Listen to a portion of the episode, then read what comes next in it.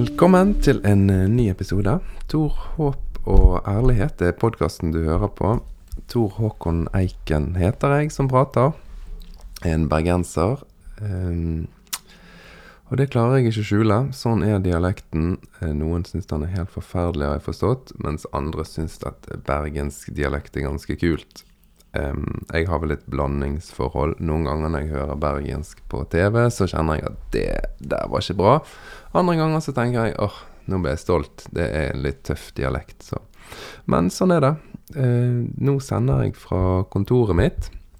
Eh, som er hjemme i leiligheten vår. Så utenfor er det en eh, gravemaskin som holder på å flytte litt eh, steinmasse, så du hører kanskje litt bråk i bakgrunnen. Men jeg tror ikke det er verre enn at du hører greit hva som blir sagt. Takk for at du lytter, og eh, takk til alle dere som deler, og som sender meg meldinger og kommentarer. Setter veldig pris på det. Dette her podkastprosjektet, som du har forstått, så setter jeg veldig, veldig pris på det. Jeg, jeg, trives virkelig med dette og håper at jeg kan få gjøre det lenge. I forrige episode så skal jeg si, være så ærlig å si at jeg eh, brøt litt sånn mine egne regler for podkasten. For jeg har bestemt meg for at denne podkasten i hovedsak skal handle om ting jeg er for. Altså holdninger, tanker og følelser som jeg er for og ikke bli en podkast som handler om eh, hva andre gjør feil, og hva andre gjør galt. For eh, merker at hvis livet dreier seg om hva andre burde gjort annerledes, så blir det en veldig sånn dystert eh, forhold til hele livet, egentlig. Det blir sånn eh, grumpy og opptatt av å ta folk og sånt. Men mens forrige uke, det, jeg klarte ikke å la være. Jeg, jeg, spilte faktisk inn den episoden flere ganger. Og det ble egentlig bare mer og mer sånn at åh, disse tingene irriterer meg så ufattelig at jeg klarer ikke å la være å snakke om det. Um, og det handler nok litt om at uh, jeg har et sånn håp. Jeg har et sånn håp med podkasten at, uh, at den kristne troen kan bli kan være aktuell i 2020. Det er jo sånn at ingen av oss eh, gjør ting helt nøytralt og uten noen motiver. Og jeg har merket uh, mer og mer at mitt motiv er at jeg, jeg, ønsker at den kristne troen skal kunne leve i 2020. Og så opplever jeg samtidig at så mye av det vi gjør, vi som kaller oss kristne, gjør at denne her troen nesten blir umulig å forholde seg til i vår tid. Altså når vi blir de som hindrer positiv utvikling, vi som hindrer menneskerettigheter og likestilling, vi som hindrer rettsvern for minoriteter, så da blir det sånn Hva i all verden er det vi driver med? Det er jo bare ikke mulig så si det at nei, siden jeg tror at det fins en skaper som elsker alle mennesker, så er det viktig for meg å opprettholde undertrykkelsen av denne minoriteten. Altså sånn Nei. Og alt dette her, det klarte ikke jeg å holde inne. Jeg måtte kommentere det i forrige episode. Og som sagt så er det brudd på min egen eh, kontrakt med meg sjøl for jeg har lovet meg sjøl at dette skal være en podkast der vi snakker om tanker som vi er for, og prøver å finne ut hvordan troen ser ut i 2020, og hvordan vi kan leve med en kristen tro i 2020. Så i dag så blir det litt mer sånn eh, I dag blir det litt andaktstemning på denne her podkasten, og det håper jeg du eh, tåler fint. For deg som eh, ikke er så vant med andakt, så er det om noe sånt som at du leser eh, noen avsnitt eller eh, tekstdeler fra Bibelen. Og så prøver du å tenke litt på hva kunne denne teksten ha sagt til de aller første som leste den teksten? Hva kan han ha betydd for de? Og så ser du kanskje litt på eh, hvorfor ble denne teksten skrevet sånn? Og hvorfor sier denne teksten at Gud sa sånn, og mennesket sa sånn, og de sa sånn? Altså, du prøver også å forstå motivasjonen for de som eh, skrev den. Og så til slutt så prøver du gjerne å tenke litt sånn Ja, hva kan denne teksten fortelle meg i dag? Så det er en sånn typisk eh, andaktsoppbygging, da. Så i dag blir det litt eh, bibelverslesing og en sånn andaktstemning. Det håper jeg eh, ja, Vet du hva, jeg tror du kommer til å like det. Du får bare, du får bare henge med, så ser du underveis hva du tenker. Um, før jeg leser, så har jeg lyst til å fortelle litt um, et holdninger som jeg opplever at jeg finner i de gamle tekstene. For etter mitt syn er de tekstene mye klokere og har veldig mye mer å si oss enn det som vanligvis kommer frem i media når det er samtaler og diskusjoner rundt kristen tro.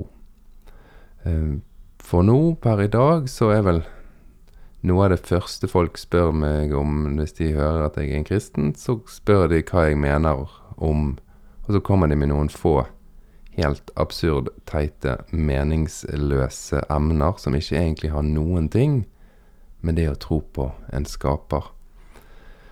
Det er bare sånn Ja. Denne, drikker du alkohol? Er du imot homofilt ekteskap? Um, er det greit å være samboer? Altså sånne helt totalt uinteressante småemner som har blitt Eh, den kristne troen sin store profilsaker, dessverre. Jeg opplever at disse gamle tekstene er bare så utrolig mye mer klok. Det er én ting som du vil bli overrasket over hvis du begynner å lese de gamle tekstene, og det er hvor utrolig sterkt de advarer mellom linjene mot all form for imperiebygging. All sånn form for maktstrukturer der noen blir løftet over de andre. Det er litt sånn Det syns jeg er veldig stilig å se. For en ting som eh, skiller oss mennesker veldig fra de andre dyrene på kloden, det er at vi har evnen til å forestille oss ting som ikke er. Altså vi har evnen til å tenke fremtid, altså lage oss bekymringer. Men vi har også evnen til å forestille oss ting som ikke finnes i det hele tatt, og så forholde oss til de. Altså ting som ikke kan bevises. Og hva mener du nå, Tor? Jo, prøv å være med på dette. Eh, et vanlig aksjeselskap, et vanlig firma, det finnes egentlig ikke. Hva mener du nå, Tor? Jo, altså Det mener akkurat det jeg sa. Det finnes egentlig ikke. Et aksjeselskap, det er noe som vi har blitt enige om at når det er etablert, så kan vi låne penger til det, og så kan vi handle av det, og så kan mennesker være ansatt i det. Men hva er det egentlig for noe? Det er egentlig ingenting. Det er bare noe som er besluttet at det finnes. Akkurat som pengeverdi. Sånn, du vil jo aldri få en hund til å forholde seg til et aksjeselskap. Eller til en pengeverdi. Eller til en bekymring for hvordan maten skal komme i skålen om eh, en måned. Altså ting som ikke finnes, ting som ikke er. Ting som kan komme. Og, og sånne her maktstrukturer og selskapsstrukturer som ikke fins. Det kan vi mennesker forholde oss til. Og i disse forestillingene og maktstrukturene, ja, så ligger det akkurat det som ordet sier. Det ligger mye makt. Og det advarer denne her, disse gamle tekstene om veldig tidlig. Det begynner helt med Babels tårn, der du ser henvisning og hentydninger til at det den som har startet dette byggeprosjektet, skal bygge et kjempestort tårn som når helt til opp til himmelen, sånn at han skal gjøre seg til en gud.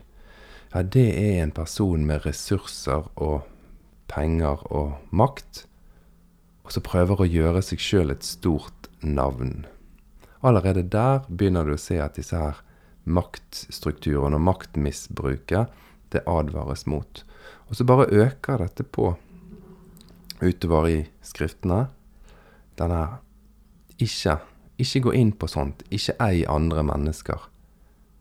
Ikke la deg bli eid av andre mennesker. Og så ser du at det er et sånn tydelig signal at skaperen, altså livets opphav, er alltid på det laget som blir undertrykt av maktstrukturer. En av de mest sentrale tingene i eh, byggingen av de tidlige samfunnene, altså da er du 5000-10 000 år før vår tidsregning, og en begynte å samle seg i byer og bygge strukturer der du hadde en overklasse som undertrykte en arbeidsklasse som dyrket jord, sånn at de kunne ha råd til å bygge palasser osv. Noe av det mest samlende i disse, eller i alle de samfunnene som klarer å grave frem og finne noe ut om, så var sentrum for hele økonomien og makten, den var bygget rundt templene. Templer representerte alltid bildene av gudene, og selvfølgelig så var lederne av gudedyrkingen De fikk makt. De hadde makt over mennesker. Altså, når du leser eh, Hvis du hadde lest eh, Eh, andre, tredje Mosebok, og du leser om hvordan eh, Moses står på fjellet fikk en masse lover, og han fikk de av Gud. Han fikk de på noen tavler. Så skal du vite det at Moses var ikke den første som fikk disse lovene på tavler av gudene. Den første sånn lovgivende kongen vi kjenner til, han eh, mener jeg het noe sånt som Hammurabi. Jeg vet ikke om du la merke til det, men jeg nevnte det navnet når jeg snakket med Ervin Kohn, han fra synagogen. Og han kjente til det navnet, og han syntes ikke det var noe problematisk at Hammurabi hadde fått disse lovene før Moses fikk de. Men Hammurabi, han, han fikk de av solguden. Og så gikk det en del år, og så ser du at Moses får veldig mye av de samme lovene av, av sin gud. Og det er jo en, selvfølgelig en måte å få autoritet på. Sant? Altså Disse lovene er ikke bare sånn hva som helst. De er gitt oss av den som er opphavet til livet. Og det som er interessant, syns jeg, og som gjør at jeg er blitt veldig glad i Mosebøkene, det er at innflettet i disse lovene så ligger det ganske mange føringer som skal gjøre at disse ulikhetene mellom menneskene ikke skal vokse. Selv om det finnes en skaper som står bak alt, og som har gitt lovene til en leder, så finner du mange lover og ja, hva si, føringer for livsførsel som sier at alle mennesker skal være like. Altså ikke lik i uttrykksform og væremåte, men i verdi. Du skal ikke eie noen andre. Eh, hvis noen blir satt fast av gjeld gjennom at ikke de klarer å dyrke sin mark eller skaffe seg eiendeler, så skal den gjelden slettes med jevne mellomrom. For du vet jo hvordan det er i vårt samfunn i dag. Sant? Altså Er du født i en rik familie, så hjelper foreldrene deg inn på eiendomsmarkedet, og så får du bolig tidlig, og så bygges din verdi seg eh, fort. Og så i løpet av livet ditt så er du enda rikere, sånn at du kan på ny gi en arv til dine barn som gjør at de tidlig kan kjøpe seg boliger og komme inn på markedet. Mens er du født i en familie der en ikke har hatt råd til å kjøpe seg bolig sjøl, og kanskje ikke har mulighet til å stille sikkerhet for boligkjøpet, ja, så kommer heller ikke neste generasjon inn på boligmarkedet på samme måte. Og så medfører dette at eh, de som da har mye penger, når de kjøper tre boliger, eller fire leiligheter i Oslo sentrum, som da kan leies ut til folk som er født i familier der en ikke har råd til å kjøpe seg leilighet. Sånn at disse forskjellene de er så utrolig innebygget i våre eh, systemer. Mens de lovene som du finner i andre og tredje Mosebok, de handler veldig mye om at gjeld skal slettes. Gjeld skal ettergis. Folk skal begynne på nytt igjen på like fot.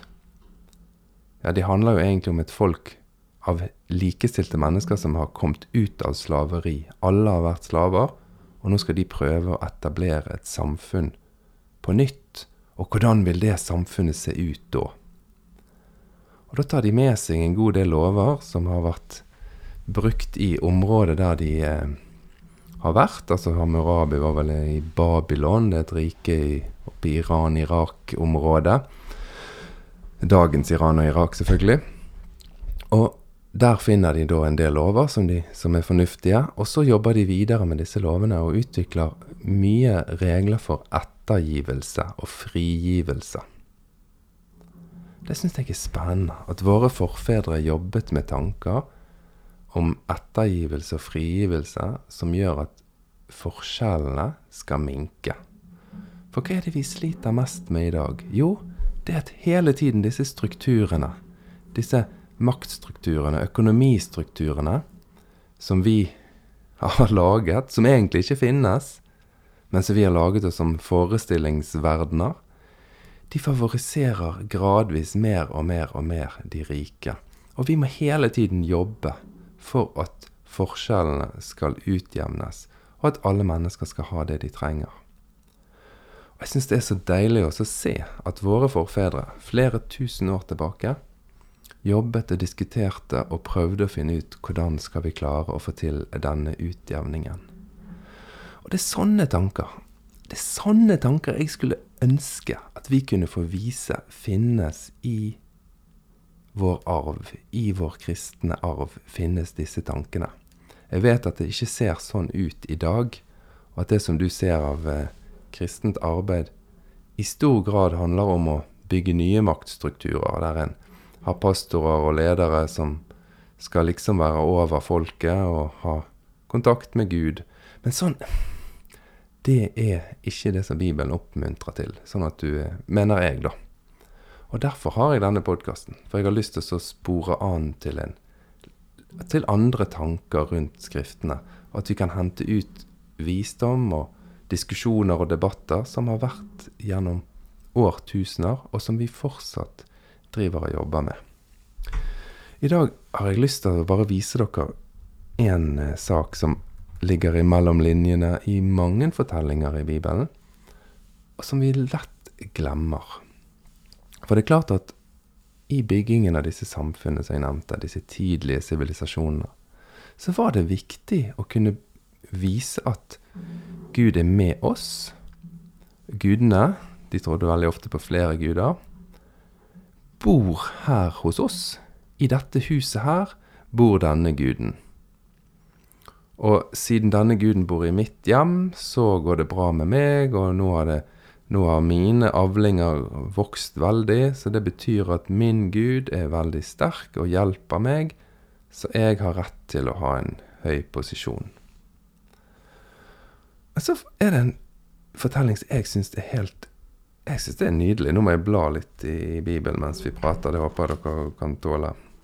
Um, det står i forbindelse med byggingen av det store tempelet. Det som Salomo bygde, altså sønnen til David. Så står det at eh, når de skulle innvie det tempelet, i andre kongebok kapittel åtte, så står det om at de skulle innvie det tempelet. Men da legger forfatteren av denne fortellingen Denne fortellingen er skrevet lenge etter at tempelet ble innviet. Den er skrevet når faktisk tempelet er ødelagt, og de sitter i et annet land i fangenskap. Men de legger inn en tanke i den teksten som sier det at Hvorfor i all verden bygger vi et tempel? Hva skal vi egentlig med tempel?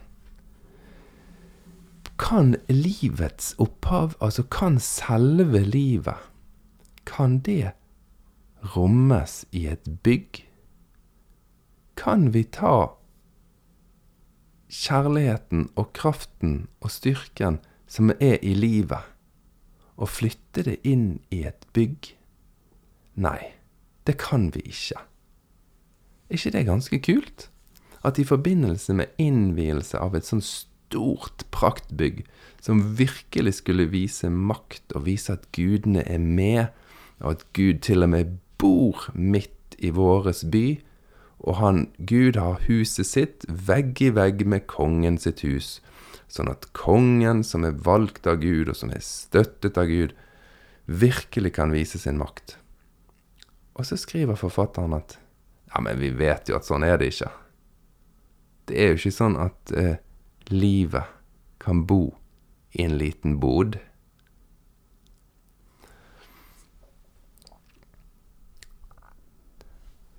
Denne tanken den blir tatt opp flere ganger i Bibelen. Jeg har bare lyst til å lese et lite utdrag fra en profet som heter het Jesaja. Og han skriver sånn. Da legger han noen ord inn i Guds munn. Så sier han, så sier Herren. Himmelen er min trone. Jorden er bare en krakk som jeg kan hvile føttene mine på. Hva slags hus kunne dere bygge til meg? Og hvordan skulle det finnes et hvilested for meg? Altså, alt som er til, har jo min hånd gjort. Så hvorfor tror dere at dette bygget Dette er fra Jesaja 66. Sant? Hvorfor tror dere at dette bygget er så viktig? Hva er det dere tenker på? Så sier Jesaja, Jesaja videre her, da, eller han sier at det er Gud som sier det, men han, det er jo ganske sterke ord å si. Men, men ok, det er nå Jesaja som har blitt tilskrevet denne profetien, og han sier det. Og så sier han at det er jo ikke dette Gud bryr seg om. Gud ser til de menneskene som er nedbøyd i sin ånd.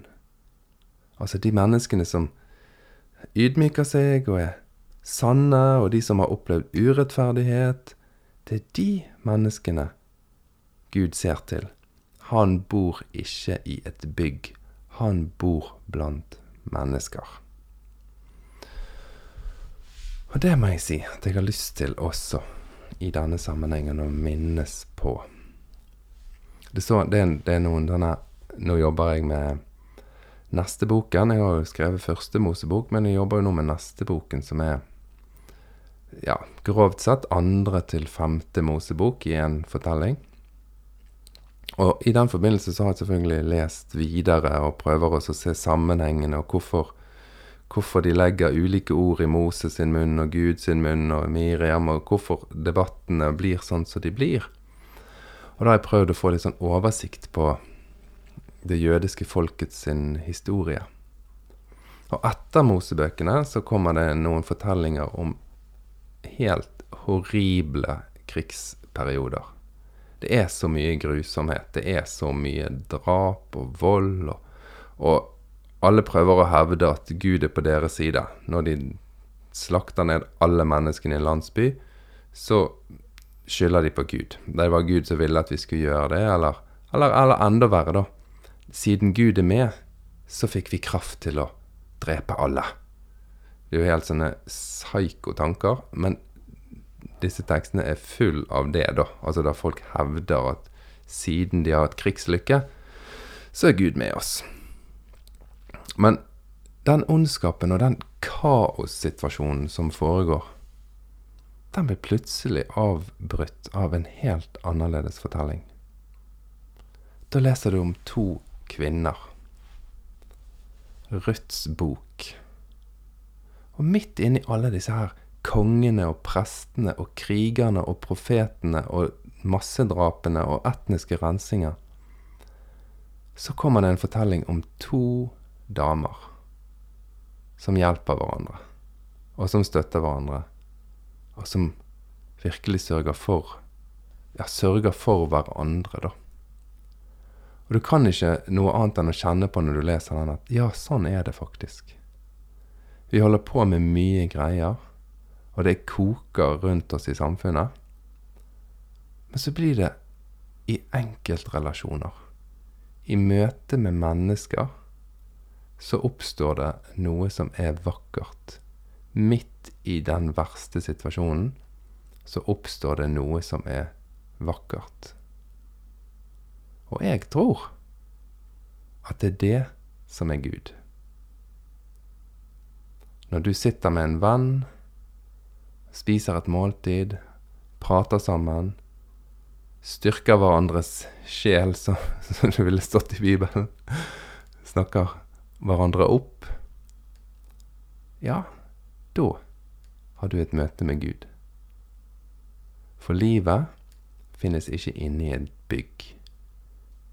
Livets opphav gir ikke kraft til noen for at de skal undertrykke andre. Det er i relasjon, det er i mellommenneskelige møter, det er i vennskap. Det er der Gud finnes. Jeg må uh, lese en uh, veldig fin ting til til deg.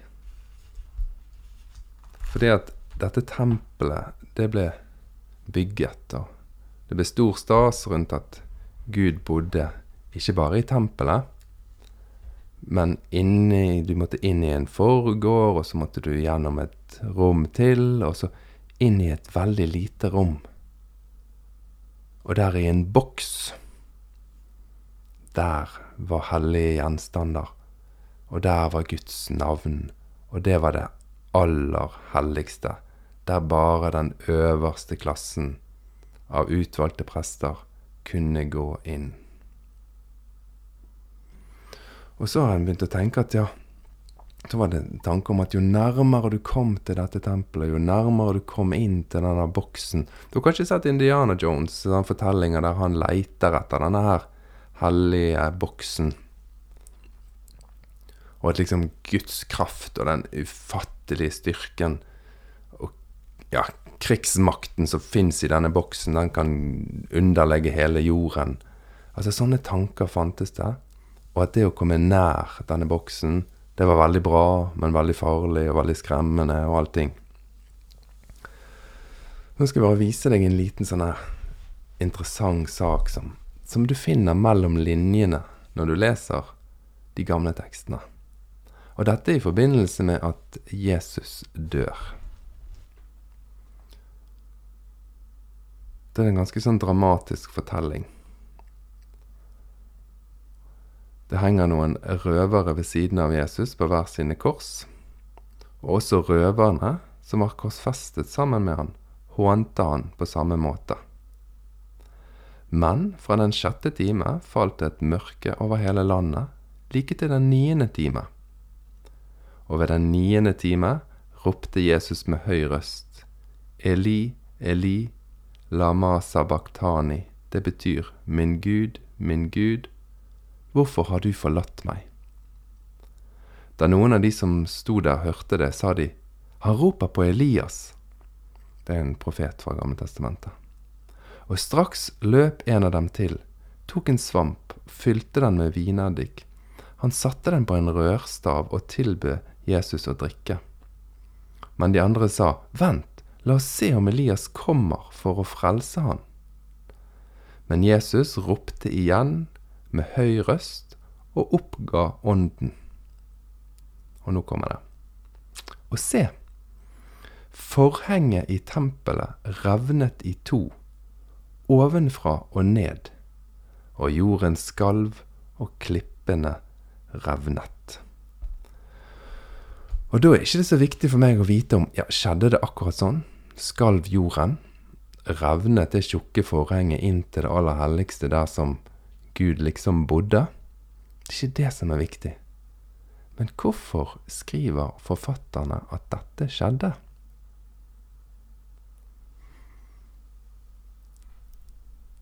Hvorfor tror du de skrev det? Disse forfatterne som skulle prøve å fortelle viktigheten av Jesus sin død. Hvorfor skriver de akkurat det at det teppet revnet? Gjennom hele Gamletestamentet, i altså det som vi kaller Gamletestamentet, de jødiske tekstene, så ligger det hele tiden hint om at Gud ikke bor i dette tempelet. Og det tror jeg de i ganske stor grad skriver, for det at disse bøkene, som er de jødiske tekstene, de er skrevet i stor grad etter at tempelet ble ødelagt og de var i fangenskap. Så det ville vært helt fortvilende hvis Gud faktisk bodde i det bygget. Men de var bortført til andre folkeslag som slaver, treller, evenukker. Og så kunne de si til hverandre men Gud har aldri bodd i et tempel, han har aldri bodd i et bygg.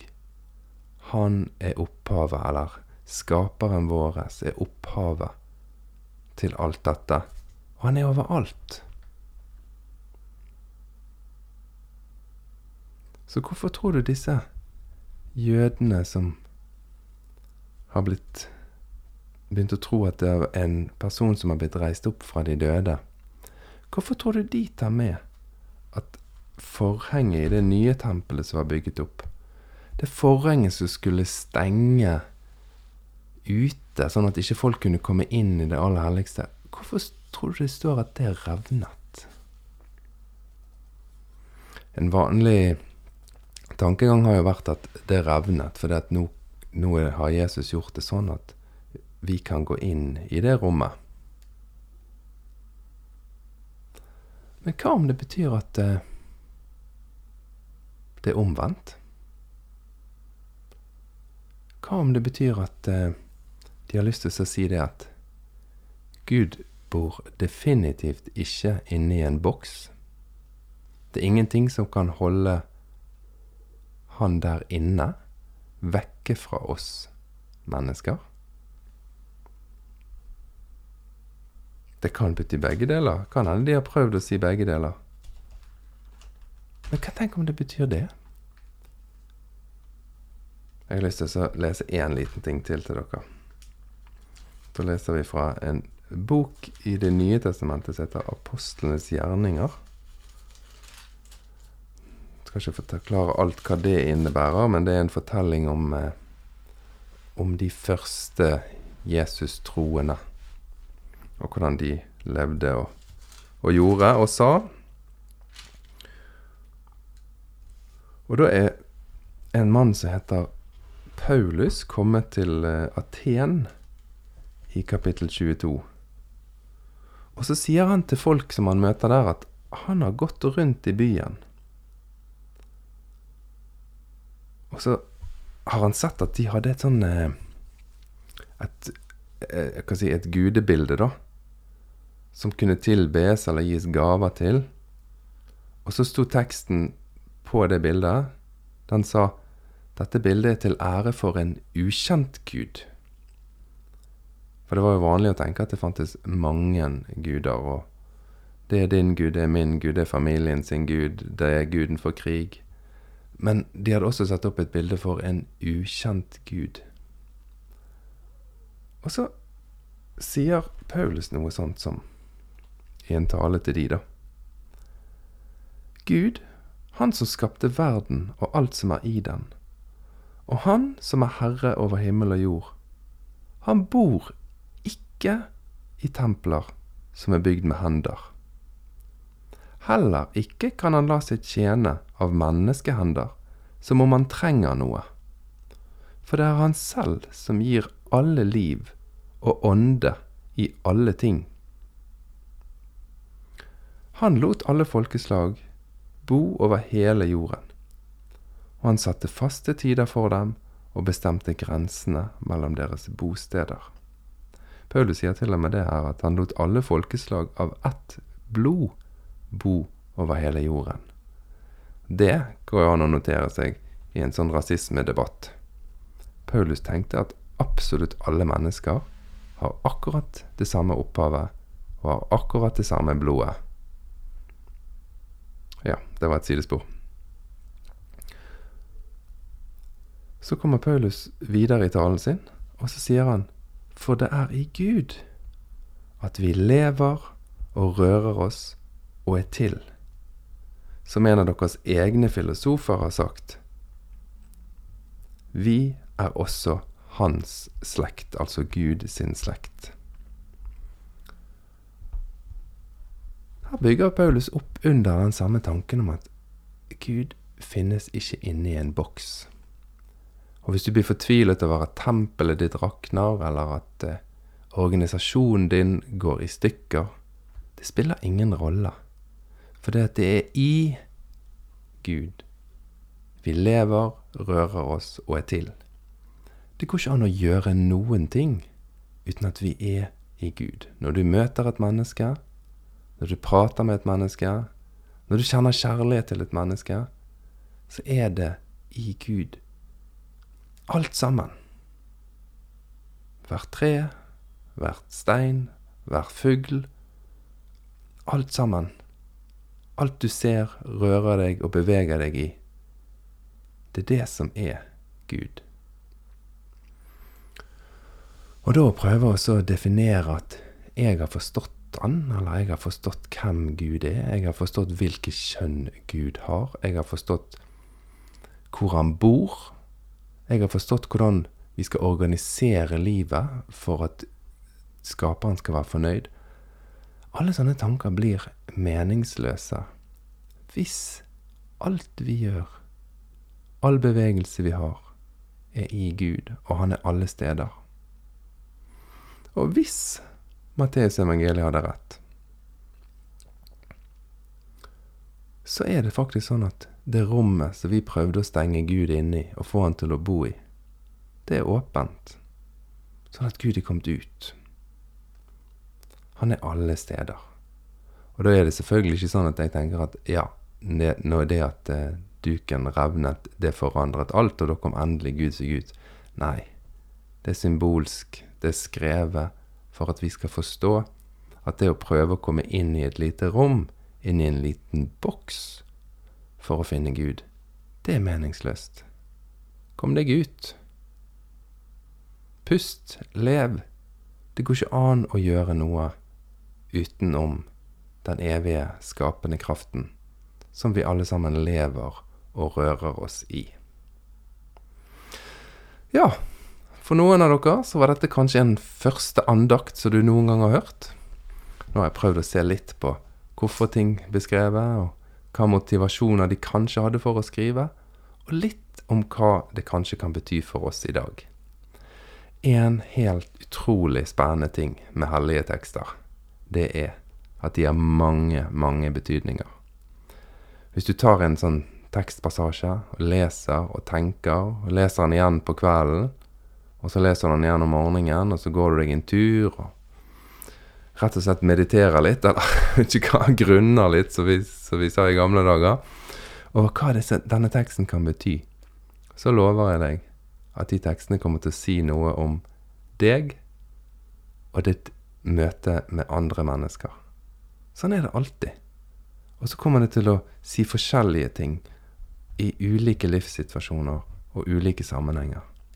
Hellige tekster er mye mer enn bare ord. Takk for at du hører på Tor, håp og ærlighet. Det kan hende vi må legge inn en sånn andakt av og til. Eh, og noen ganger så blir det mer sånn samtaler om, om tekster, og det blir selvfølgelig flere gjester etter hvert, sånn at vi får høre hvordan deres liv ser ut i dag og hvordan en forholder seg til tro eller ikke tro. Ha en eh, riktig god uke.